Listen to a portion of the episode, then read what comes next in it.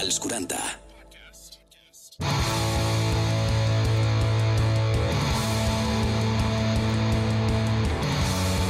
Energia sexual. Amor i mora. Molt bones i benvinguts, família. Benvinguts a un nou capítol d'Energia Sexual on cada setmana tenim noves temàtiques amb els col·laboradors de sempre, amb la Maria López i la Sandra Sagarra, que avui ens portaran el seu Obre les Portes, unes noves experiències que la gent ens ha enviat a través del nostre WhatsApp. I també tindrem, com sempre, a la Marta Galobardes, la nostra fisiosexòloga, amb la màgia del sexe. I de també amb els amics de Sexy Dream. Sexy Dream és la teva botiga virtual on pots demanar en total comoditat i discretament allà on vulguis. I per de per aquí també la Xènia Roset amb la seva secció del Sex Talks. Sempre interessant escoltar-la. Dit això, benvingut, benvingut a Puja't a bord, comença Energia Sexual, el podcast de sexe dels 40. Som-hi!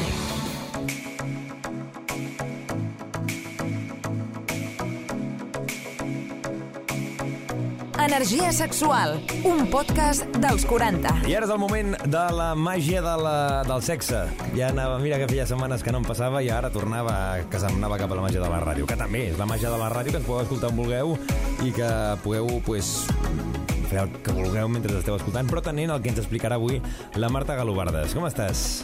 Hola a tots i totes. Uh mhm. -huh. Com va? Com ha anat aquesta setmana? Ah, super intensa, com sempre. Així m'agrada. Doncs la setmana passada vam parlar de, dels petons, de diferents tipus de petons, del petó gris i el petó vermell, que és una cosa que a mi em van impactar una miqueta. I avui, això sí, eh, tenim una altra temàtica. Sempre comencem igual, eh? Avui tenim una nova temàtica, sí, perquè cada setmana aquí amb la màgia del sexe tenim noves temàtiques i noves eh, conceptes que ens vens a explicar o a detallar, potser conceptes que la gent ja coneix i anem a detallar-los una miqueta més. Avui de què, què, què ens portes? Va, si parlàvem de petons i els petons ens feien feien lubricar molt, mm -hmm. avui parlarem de què passa quan hi ha disfuncions en la lubricació. Entenc, disfunció, lubricació és que no hi ha o, o hi ha manca o falta una mica més de lubricació a, a les parts íntimes, no la, la boca, perquè la boca al final és, seria pues, ja un altre, un altre tema, sinó a les parts íntimes, digue-li genitals. Ara, t'anava a pegar un collejote, eh? Un collejote. Sí, aquí no podem parlar de genitals mal, eh? Anava a dir a la patatona, al, al, al d'això, ja m'estava mirant fatal. Ojo que me voy, eh? Ojo que me voy. Exactament.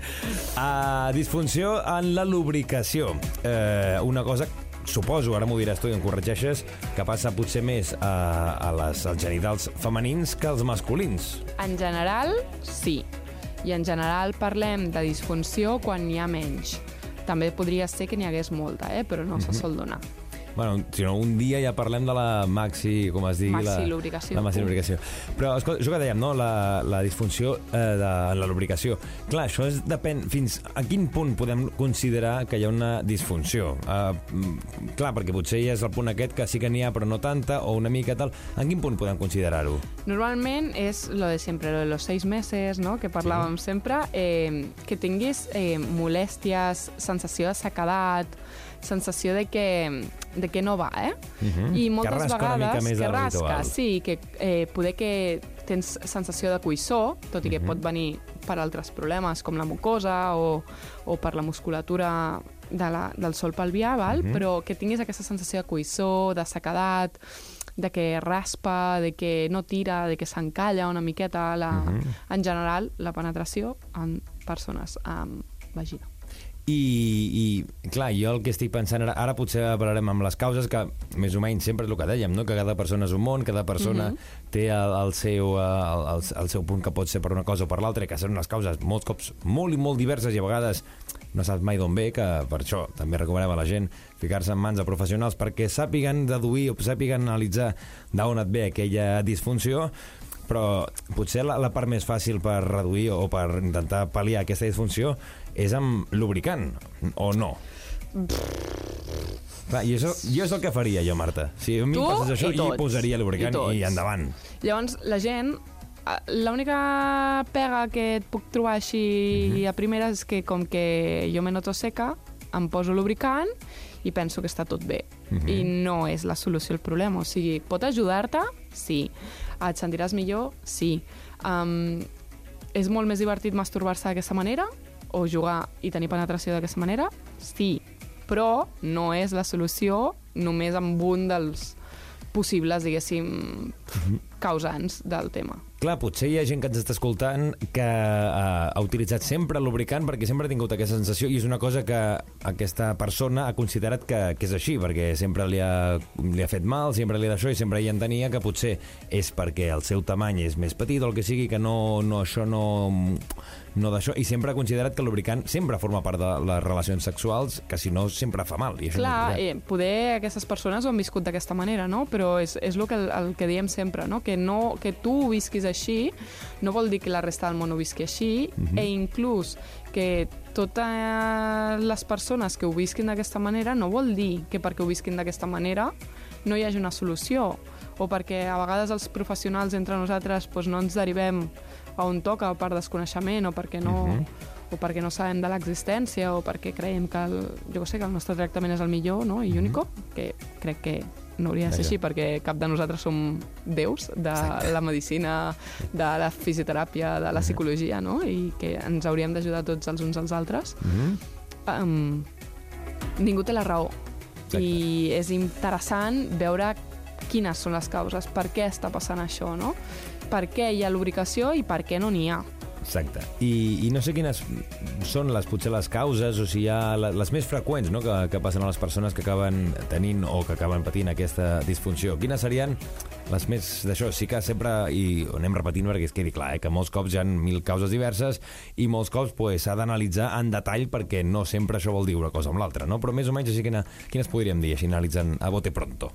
Exacte. Um, el que és interessant és saber que, per què passa la, lubricació. No? Mhm. La lubricació passa perquè tu t'excites, llavors augmenta el flux a tota la zona de la vulva i a les parets. Val? Augmenta la sang, augmenta el flux exacte, Val. de totes aquestes zones. I llavors, a partir d'aquí, hi ha una erecció del clítoris, que és que augmenta de tamany. Val? El clítoris també es posa erecte. Això m'agradaria parlar un dia, eh? que hi ha erecció, perquè clar, molts cops parlem erecció aquí, erecció allà, i potser la gent tot només pensa en, en erecció de genital masculí, i no té per què ser així. Vull dir, també, ara, jo sé dir la veritat, m'acabo d'assabentar ara mateix. Capitulazo. Exactament. El clítoris. També té ereccions. Sí. Però què més? Um, llavors, tenint clar que això passa perquè ens excitem, perquè hi ha un bon flux, perquè hi ha un bon rec sanguini, coses que fan que no um, hi hagi una bona lubricació. Que vagin els estrògens, que no tinguis una quantitat d'estrògens adequada, que estiguis en període del climateri, que abans ho comentàvem, i és ho, el ho període... Ho abans, però per la gent Exacte. no sabeu què és, què és el climateri? El climateri és l'etapa on, on deixem de tenir la regla. La menopausa seria el punt on, on deixem de tenir-la uh -huh. i mhm. tota la franja de temps des de que no la tenim fins que bueno, ens morim, uh -huh. um, és el climateri.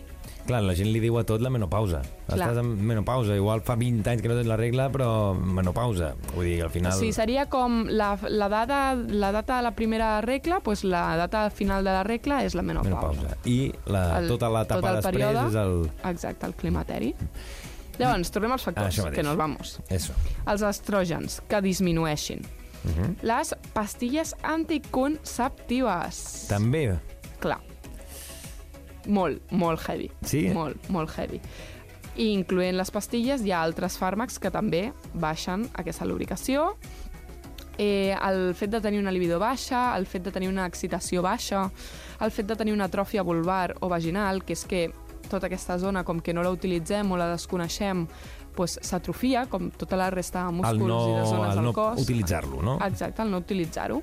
El fet de que tinguem dolor a la penetració, a la mhm. vulva, dolor pèlvic, dolor a la zona de l'anus... Això potser que es contrai i que potser el que dèiem, no hi ha aquesta excitació i no fa que això lubriqui com és degut. I perquè hi ha molta congestió pèlvica, moltes vegades, perquè com que el múscul està molt tens, sovint amb totes les estructures que travessen aquest nervi, com poden ser els nervis, ai, totes les estructures que travessen aquest múscul, com poden ser els nervis uh mhm. -huh. i com poden ser els vasos sanguinis, um, si el múscul està molt tens, aquest rec sanguini està com més constrenyit. Clar, està més enganxadet. Exacte.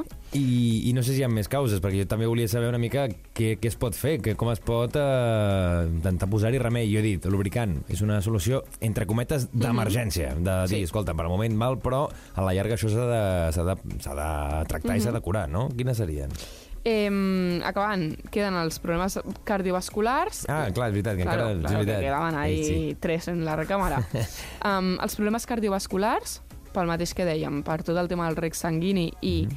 Per la postura i la congestió pèlvica, val? el fet de segons quins tipus de postures Mhm. fan que tot el pes recaigui sobre la pelvis i que totes aquestes estructures més vasculars estiguin com molt congestionades. Val. I tot el fet de sempre que parlem de no conèixer tota la zona de la pelvis. El, exacte, el cos o el que sigui, no coneixes d'un Exacte. mateix. Llavors, com podem millorar-ho? El lubricant, bueno, és, un, és, és, un, és un parche, Val. No? La saliva també seria, seria La saliva és dintre un del altre, lubricant. Exacte. és un altre, sí, és un altre parche. Clar. Molt divertit, però un altre parche. um, és molt important no utilitzar sabó. Val. Una mica també com el, el, Ni que el sabó pH, íntim, no? que trenqui exacte, el pH. el que dèiem del pH, val, per uh, que totes aquestes estructures estiguin bé. Ni, ni sabó íntim tampoc. Ni sabó íntim ni sabó normal, perquè s'ho Mm. carrega tot. Vale. Llavors, el fet de mirar-te, de conèixer, de conèixer tota la teva zona pèlvica, de saber si estàs contraient o relaxant tota aquesta musculatura, també és super important.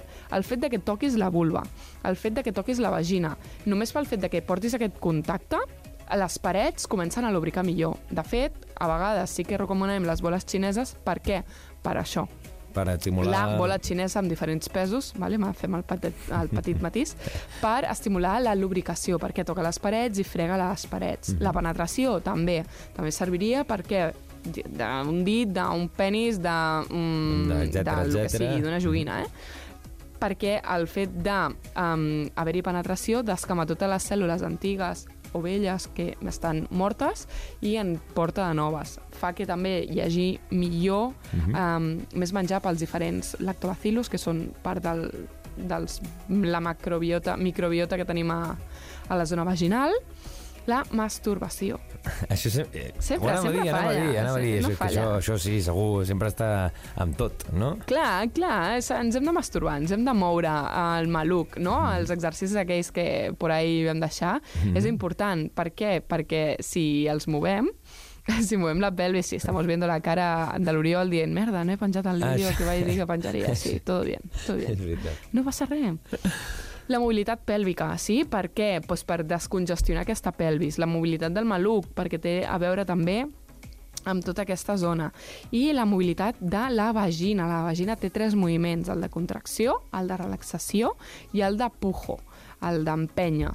Llavors, tu pots el sol pots pelvià en general, et eh? pots creure que ho estava intentant eh, reproduir, jo crec. sense tenir vagina, en plan, sí, com no seria? passa res, però perquè en realitat són les mateixes són els mateixos Del genital masculí, no? que els genitals masculins, exacte. Llavors és intentar contraure, I en Val. igual seria el més complicat, no? el contraure és intentar portar l'anus o la vagina cap endins, Mhm. intentant créixer amb la resta del teu cos.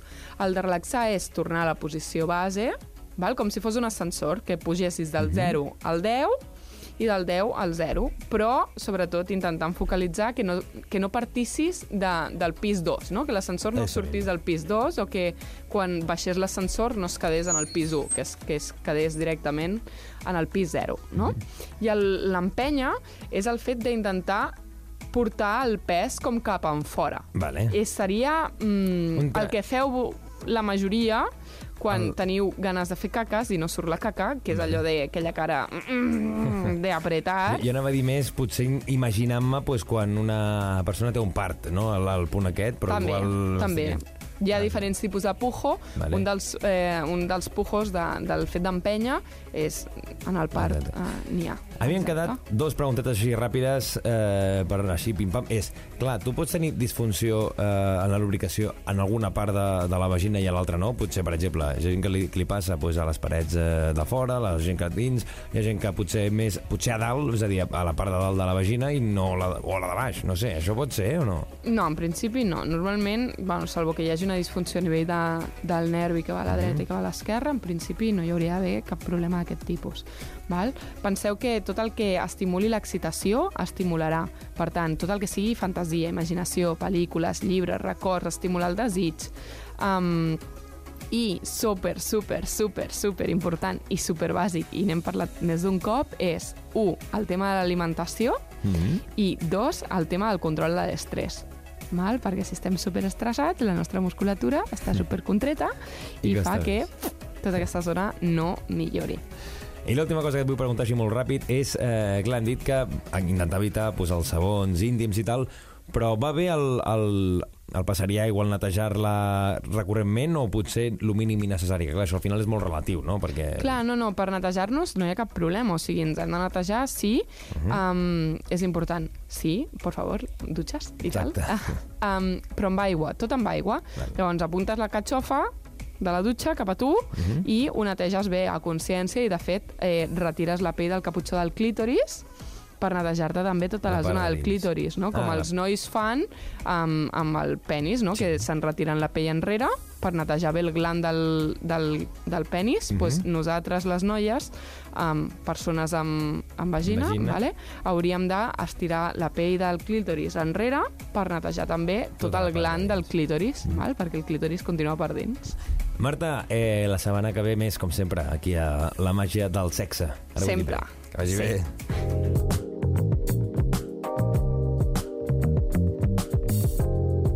Energia sexual. Arriba el moment dels productes sexuals, arriba el moment de les joguines, arriba el moment dels amics de Sexy Dream. SexyDream.es, cada setmana el Guillem Riera ens porta un objecte, una joguina, ens descobreix coses, ens sorprèn amb noves coses, i avui tenim aquí com Sempre cada us porto setmana. una miqueta de plaer. Una miqueta de... Ah, t'ha t'ha quedat brutal, eh?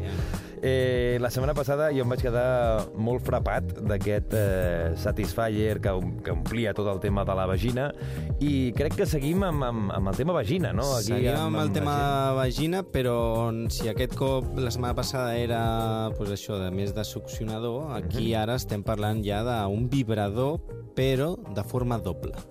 Forma doble, és a dir, un Forma vibrador que té... Clar, Un és- dos por uno en tota regla. Un dos per uno. Clar, és complicat això amb la ràdio. Sí. Clar, si fos televisió, tu ensenyes el producte i ja és Exacte. fàcil. Ara el que mola és Exacte. poder desgranar una miqueta perquè la gent es vagi imaginant el que és i que després ho miri a sexydream.es i a veure si és realment com se l'havia imaginat, que això és la màgia de la ràdio. Doncs bueno, estem parlant d'un Satisfyer que es diu Supernova, Mhm. vale? eh, en el qual està unificat eh, en una forma així com de, de ganxo, per dir-ne Mhm. una manera, el típic garfio, per dir-ne una manera, Sí. que, que tots entenem, no, va a fer un garfio, pues Però això. no amb la punta punxeguda, que si no, això, pot fer mal. Tot rodó, tot rodó. I, bueno, doncs tenim, està diferenciat en dues parts, eh, una que està més enfocada pel tema de la vagina i l'altra que està més enfocada pel tema del clítoris. Clar, entenc que a part de ser un vibrador, també té la part de Satisfyer, també té la part, diguem, de succionador per, per poder fer l'experiència completa, no? El que molts cops Exacte. va bé, doncs, amb el succionador, doncs, acompanyar amb un dit per activar la zona erògena de dins, amb això ho té Exacte. tot incorporat. Ja no et Tot cal incorporat. el dit. Les dones que... o les persones amb vagina que diguin ah, pues, eh, eh, mm, no sé si soy clitoriana, no sé si sóc vaginal, pues amb això eh, ho sabràs, Mhm. ho podràs saber. Per què? Perquè el bo que tenim amb aquest producte és que pots utilitzar eh, les dues eh, posicions eh, per separat. És a dir, pots utilitzar la vibració de la vagina, Mhm. però mm, si vols no pots activar la de part del clítoris i a l'inrevés llavors, pues, clar, eh, igual hi ha gent que al principi li agrada pues, més... No, pues ara comencem amb el clítoris, una miqueta, tal. Pues, ai, ara m'estic agobiant una miqueta del clítoris. Pues, bueno, passem al tema de la vagina. Uh -huh. O no, jo ja estic en el, en el zoom i ho vull tot. Pues, Clar, pues, pam. perquè la gent ens entengui, quan parlem de vagina ens referem a la part de dins de la vagina, De tot i que al final el el, que G, també el estimula... G de la, de la vagina, Exacte, pues, que al final el que també estimules és el part del clítoris, però les ramificacions que tens per dins, que al Ah, final tot, exacte. tot és tema clitorià, però al final és perquè la gent ens entengui, no? quan parlem de vagina és de la part de dins, o de, de, de, de l'entrar, diguem, entre cometes, a la cova, Sí. i després el clítoris és la part de, de fora, que al final, el que deies, això, no? que amb tot amunt acabes eh, estimulant tot, perquè això al Exacte. final sigui una bomba de sensació, i a vegades, jo quan parlem d'aquests productes destinats a la vagina sempre tinc aquest punt de, una mica d'enveja, de, ostres, no sé com es sent això, no? no sé quines sensacions tens, perquè directament no tenim aquesta vagina per, per provar-ho, no? perquè és una mica de uh, llàstima, no? Bueno, ja saps, eh, eh, eh, pels homes ja també tenim un punt. També, També tenim un punt. També, Llavors, però clar, doncs, bueno. el tema de la succió, en aquest sentit... El tema no de la té- succió, pues, bueno, eh, hi ha altres eh, coses pues, pel, per la gent amb, amb Sí. penis que, que també els hi serveix. De fet, algun dia eh, hem de parlar també d'algun producte que ens portis que estimulin el punt G de, Això dels ho, homes ho, ho, anoto, ho anoto a l'agenda. per, per portar. Exacte. No, I a més, jo, això sí que és veritat que, que també hi ha, depèn de les persones, no? Hi ha gent que li agrada més l'estimular per la, fora, la zona de fora, hi ha gent que li agrada més estimular per dins, hi ha gent que li agraden les dues coses, no? Jo crec que Exacte. també el que diem molt aquí, que és el que has de fer és experimentar, Experimentar, provar, sempre, i si t'agrada bé, segueix experimentant per aquí, i si no, doncs escolta'm, hi ha productes que s'adequaran a tu, perquè al final cada, cada persona li agraden unes coses o les altres, Exacte. i al final el bo que tenim és que hi ha tantes joguines, ha, productes com persones, hi ha tantes joguines que no, és que no, no, no acabaria de jugar amb totes les joguines en tot l'any. Exacte, exactament, i a més moderaria perquè cada persona és... Tu, jo el que el recomano és que la gent busqui, que busqui la seva joguina preferida, la sí, que li sempre hi ha, més. doncs, hi ha joguines més econòmiques per començar a experimentar i si dius, ostres, això, uf, això m'està agradant, doncs comences a pujar una miqueta al nivell i, Mhm. i clar, i això doncs, al final acaba sorgint. I el que estic veient, que això és una més a més, perquè al final, que també és molt, molt estètic, que jo estic És, veient el és producte molt bonic, i és, molt bonic, o sigui, fa, fa goig de veure. O sigui, Exacte. donen ganes de posar-lo a, a la tauleta de, del menjador, eh? Tinc ganes jo de comprar-lo, però només per tenir-lo en allà, però és brutal. Aquest Satisfyer Supernova insertable eh, que trobem, com sempre, a la web de sexydream.es i que per qualsevol cosa que voleu saber d'aquest producte, si voleu saber més coses, més informació, el que podem fer és ficar-vos en contacte amb nosaltres. Exacte, Sexy Dream. Store, que és l'Instagram dels amics de Sexy Dream, i també arroba energia barra baixa sexual. Ja estarem encantats. Sempre us contestem en, quan ens escriviu.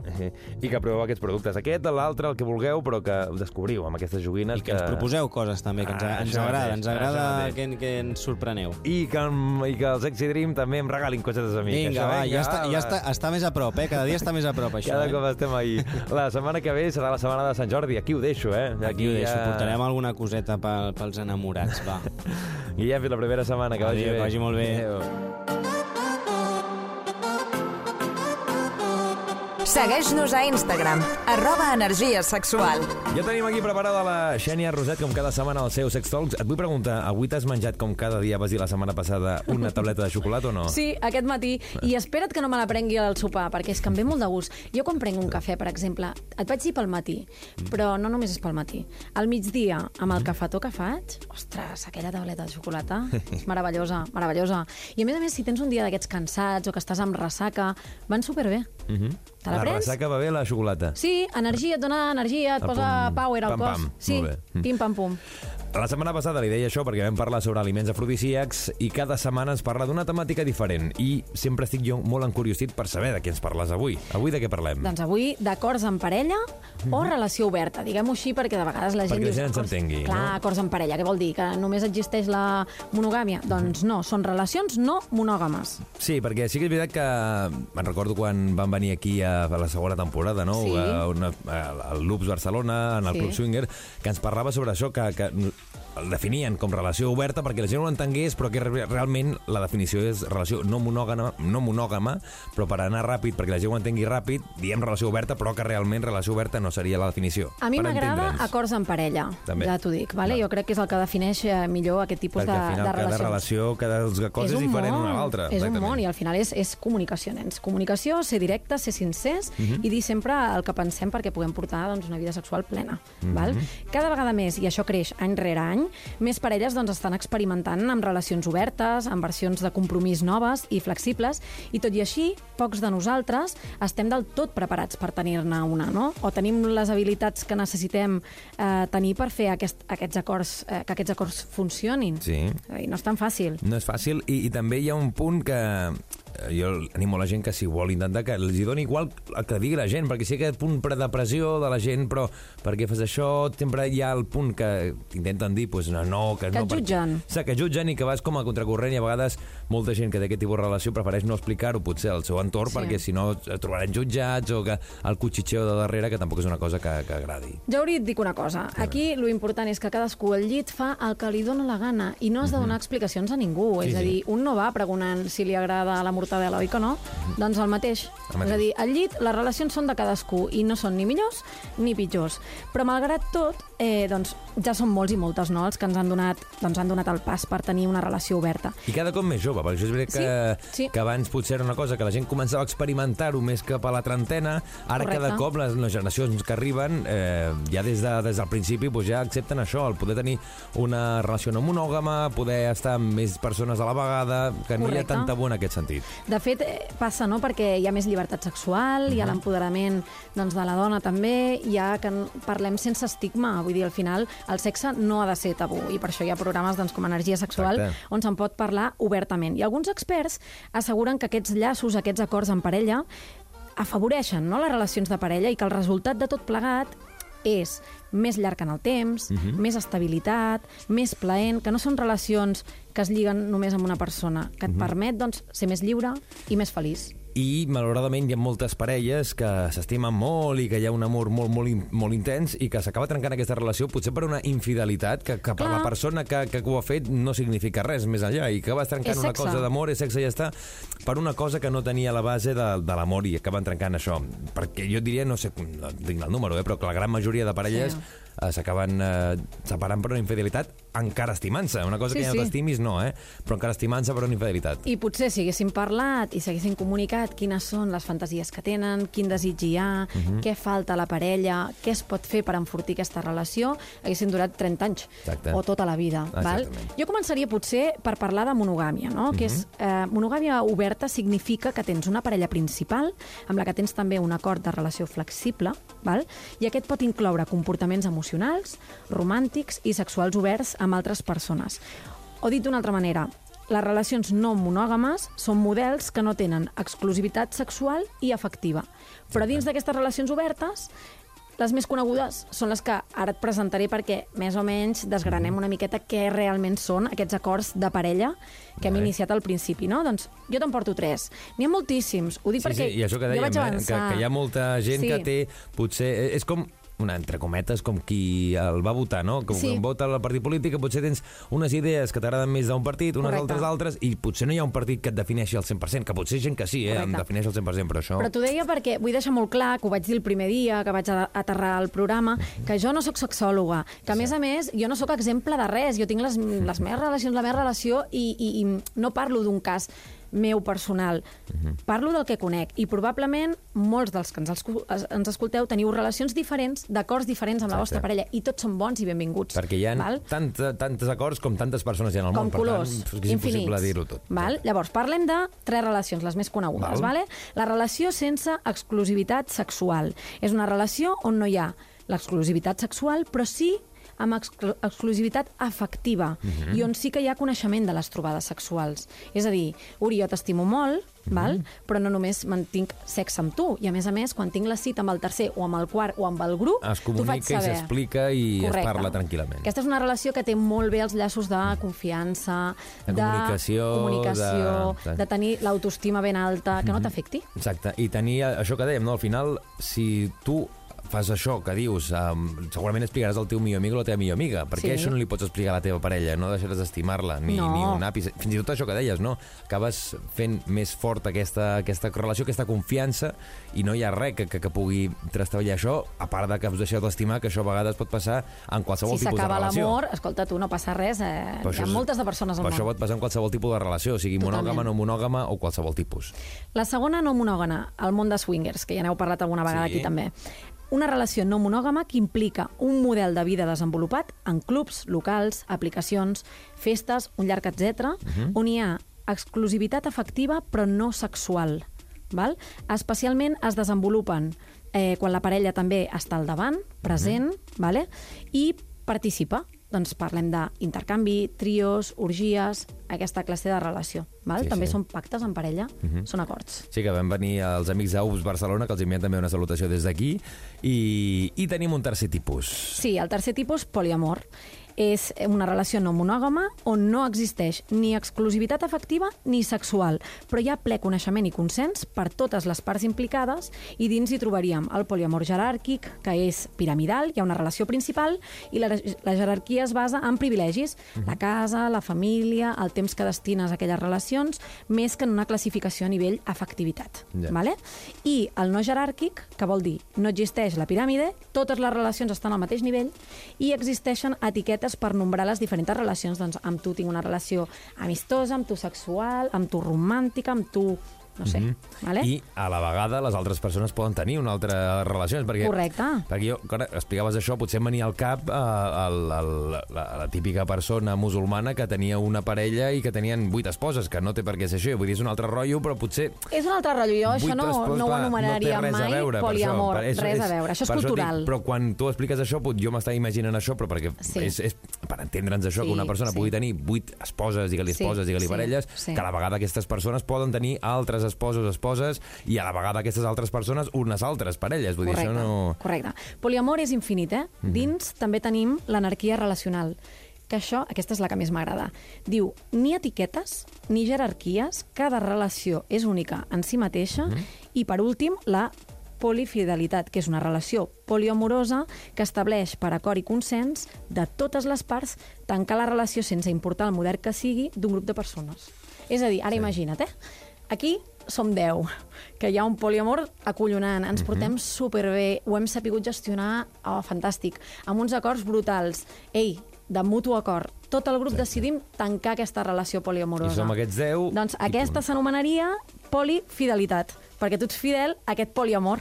Exacte. De Aqu- totes les aquesta persones. Bombolla, d'aquesta bombolla que hem creat. Clar, vull dir, jo t'he explicat tres, però dins d'aquest poliamor n'hem repassat quatre, però és que és infinit. I, i aquí Uri. hi ha molts més. Possibilitats les que vulguis. Clar, clar, clar. Comences a parlar de tipus de relació, de, de Mm. tancada, oberta, fins i tot de les relacions tancades. Cada, poden ser un món, no? Que cadascú Perdona, té els una seus relació acords, que monògama sigui. també és molt guai. Per Exacte. tant, cap problema. Jo sempre he dit que les relacions no n'hi ha ni de millors ni de pitjors. Cada vincle, relació o forma d'entendre l'amor és vàlida per cadascú en si mateixa Sí. i les formes d'entendre-les s'adapten més o menys als valors de cada persona o de cada parella. Clar, jo crec que el més important és això que cada persona busqui què és el que més li està bé, el que més li agrada, Sí. el que més li fa estar a gust i en base a això pues, que construeixi també. La, la, a vegades passa que potser tu tens una idea que tens aquesta i a la persona que estimes té una altra. Mm. Aquí hi ha punt complicat. Aquí s'ha d'acabar veient a veure com es fa, però en aquest cas cada persona intentar pues, estar a gust, estar en el lloc que s'hi trobi i si Correcte. és relació tancada, oberta, no monògama, swinger, tal, el, tot el, la finalitat és gaudir amb el sexe, amb l'amor i amb tot el que tingui i després que et doni igual a que la gent digui de tu. que Això És també que, Uri, ara s'apropa a Sant Jordi, no? Home. I jo penso molt aquell dia, perquè és un dels dies meus preferits de l'any, Mhm. amb les persones solteres. Què passa, que el dia de Sant Jordi, que és el dia dels enamorats, no pots gaudir si no tens parella? Bé, no. L'amor no. és... Si vols en parlem el proper dia, va. Sí, el proper va. dia en parlem Sí. i parlem d'amor, mil variants i maneres d'estimar. Em sembla perfecte. Va, doncs. La setmana que ve, una altra vegada, com sempre, cada setmana aquí amb la Xènia Roset, amb Sex Talks, avui parlant de relacions no monògames o tipus de relacions, eh, però amb tots aquests detalls Acords en parella, parlat. Uri, això acords en mateix, parella. No em la paraula, acords en parella. La setmana que ve, més, i a més en aquest eh, dia especial com és el de Sant Jordi, que parlarem una mica més d'amor, però sense deixar de banda el sexe. Ah, exacte. Adéu-siau. Adéu. Energia sexual. Ens trobaràs a Spotify, Apple Music o iVox. Sona aquesta sintonia i, com sempre, ja, està, ja esteu votant, ja esteu donant-ho tot. Maria Sandra, com esteu? Hola! A la Sandra li dic, no piquis la taula que cau al micro i llavors he de baixar-me més i ja sembla que estigui sota la taula, aquí. Uri, no em fotis la bronca, ja està, perdó, ho sento molt. La, Vale. la Maria López i la Sandra Sagarra cada setmana ens porteu, ens porteu experiències que la gent ens envia, ja sigui a través del nostre Instagram, que és arroba energia guió sexual, o a través del nostre WhatsApp. WhatsApp 686 922 355. Us ha quedat clar o no? WhatsApp 686 922 355. Tot i que ho avancem a través de les xarxes socials, a través de arroba energia barra baixa sexual, de què parlem avui? Avui parlem de- d'experiències una mica random, no? De quan et surt sang pel nas mentre estàs follant. Vull dir, això és una cosa que passa a vegades Això, això.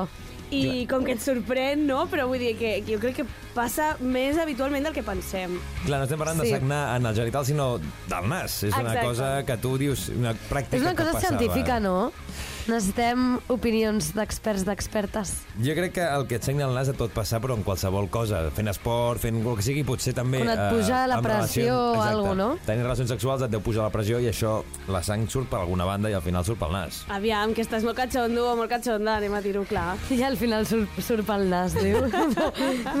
La pregunta que sempre us faig per començar. Us ha passat o no?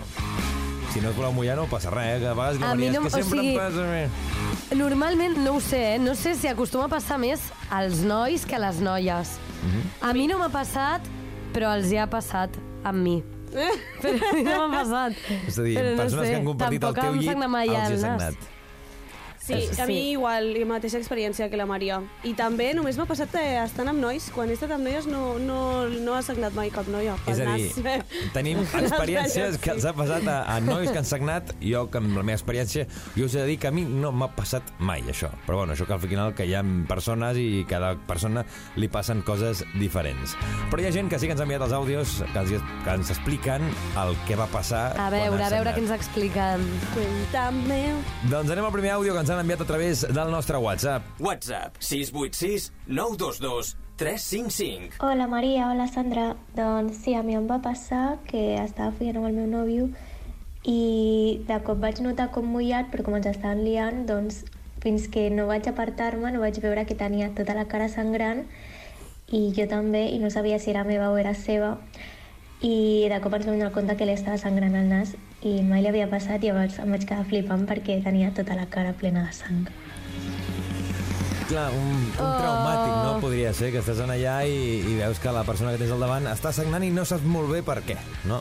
I no t'enteres fins que veus tota la cara plena de sang, eh? Fins que ho notes, de fet, perquè el que explica és que ella nota com que hi havia un punt humit i diu, què, què passa aquí? Quan et treus allò, veus la cara de l'altra persona eh, sagnant. Pel que he entès, no ho acaba d'entendre, no sé si havien començat ja amb el Sí, tema, no? o estaven Jo ahí entenc que encara sí. petonets. Jo també he entès que sí, però pot ser, no ho sé, no ho sé, no, no m'he enterat. Mhm. Home, al final, en aquest sentit, és ficar una mica de cotó en l'assumpte i seguir cap I endavant, no? Que, al final... Pot acabar punt- també en un atac de riure, no? Perquè si segueixes follant i amb una persona que té una mica de cotó al nas, pot ser bastant random i acabar en el que parlàvem a programes Que et anteriors. baixi la líbia totalment, no? Que al final potser tinguis aquest punt de dir, ostres, sembla aquí un guerrer de guerra que hagi vingut aquí a, a donar-ho a donar tot. O bueno, potser això et posa més. Aquí, pa gustos colores, ho hem dit moltes vegades. Clar, i A mi jo recordo que quan em va passar, bueno, quan li va passar a la persona, es va morir de vergonya i era, o sigui, perquè era la nostra primera vegada i, i va marxar corrents i jo, però que no passa res, no passa res, no passa res. I, I res, després no va passar res, vam continuar i ja està. Però Al final tinc es el record... es va solucionar, no, Es Maria? Es va solucionar, solucionar, però vale. tinc com aquell record d'impacte. També tenim més experiències de més gent que ens ha enviat, el que dèiem, eh? Experiències que amb meitat d'una relació sexual t'ha començat a sagnar el nas. Els motius, pues, tampoc no sabem molt bé els motius. Ja, quan vingui la Marta Galobardes la pròxima setmana... Que ens ho expliqui. Li podem tirar, no? Però clar, la setmana que ve ja en parlarem perquè és un programa molt especial i potser centrem en altres coses. Però més àudios que ens heu enviat a través del nostre WhatsApp. WhatsApp 686 922 355. I també a través d'arroba energia guió baix sexual. Um, jo sóc una persona que acostumo a sagnar pel nas. Mm, Em resulta bastant fàcil i m'he trobat en bastants, en bastants contextos, en bastantes situacions on m'ha passat um, que això, que, que acabi deixant-ho allò tot tacat de sang. Segurament les pitjors ha sigut um, en la pràctica de, del sexe oral. Mm, allò que estàs posat a la feina i notes que, que hi ha més líquid del que tocaria i una vegada retires la mirada veus que ho has deixat allò tot vermell que sembla la, la matanza de Texas. Brutal el símil La Matanza de Texas. Eh, pues és una mica la mateixa història que la d'abans, Sí. no? Però des de la perspectiva d'un noi. Clar, el que I diu al aquest final noi és que és, per ell és més habitual això que una altra cosa, que potser el que li diríem és que potser, si és una cosa que li preocupa, que es donés a mirar, perquè clar, no sé si el, que sigui molt habitual, si és una cosa que entra dintre de la normalitat, però que ja et dic, tampoc no som metges, tampoc no, No ho sabem. I si no, amb unes ulleres d'aquestes de bussejar, que tapa el nas i, i, cap, enda, i cap endavant. Clar, això també, sigui, diuen, en els dos casos, no? Diuen, hòstia, hi havia molta sang, o sigui, hi havia molt de líquid, notava que hi havia molt de líquid, i de cop I mires com que no s'enteren, no?, fins que ho veuen. Clar, això I pot després passar... és curiós, ho pots veure també. tu i pensar, uah, tio, m'ha vingut la regla, vaya putada. Clar, el primer que et deu venir al cap quan veus allò és que l'altra La persona, sang si és una, si és una persona en genitals femenins, és que està tenint la regla. És la primera cosa que et ve. Després dius, ah, no, que és meu. Però clar, això entenc que sol passar potser quan estàs fent uh, les relacions sexuals amb la llum apagada, que no es veu tant el color, perquè si és amb llum, home, una cosa vermella com la sang es veu ràpidament. Ens Crec. estem mirant la Maria i jo pensant, mm, No no, sé. no, si, té per estàs, què. si estàs en el tema, se't passa tots els colors. Sí, les emocions, tanques els ulls per sentir-ho tot superintensament, què sé. Un cop estàs en el, en, en el tema, tots són daltònics, Nos ha no? salido la niña. En el sexo solo, i tal. Sabeu que també és vermell? La rosa de Sant Jordi!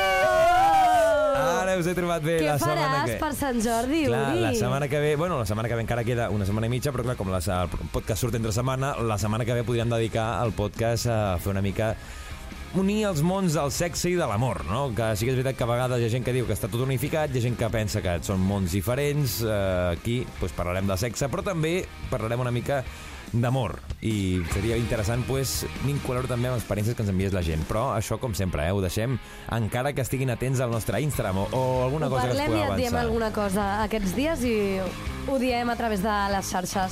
Sí? Sí, sí, sorpresa, perquè jo haig de pensar molt si haig de parlar de l'amor. Clar, tu Fàcil. parlar de sexe més fàcil, parlar d'amor és una mica més... Ai, Sí, ja complicat. sus cosites. Complicat. Ja ho veurem la setmana que ve. Mm. Ah, per això sí, el Sant Jordi vosaltres el celebreu o, o sou més de... Bé, el dia a dia? A mi Sant Jordi m'encanta. A mi també, i més a Barcelona. Sí. Ho sento molt. De per- fet, estem debatint perquè ens volem quedar a Barcelona, però potser no hi serem, i estem pensant... Què fem, què fem? És que Sant Jordi hem d'estar aquí a Barcelona, 100%. La setmana que ve parlarem, farem una mica un especial o intentarem que tot tingui un punt vehicular amb, la- o ja sigui roses, llibres, amor, però sobretot sempre amb sexe. Maria, Sandra, que vagi molt bé. Adéu, Uri! Adéu, a follar molt! Energia sexual amb Uri Mora.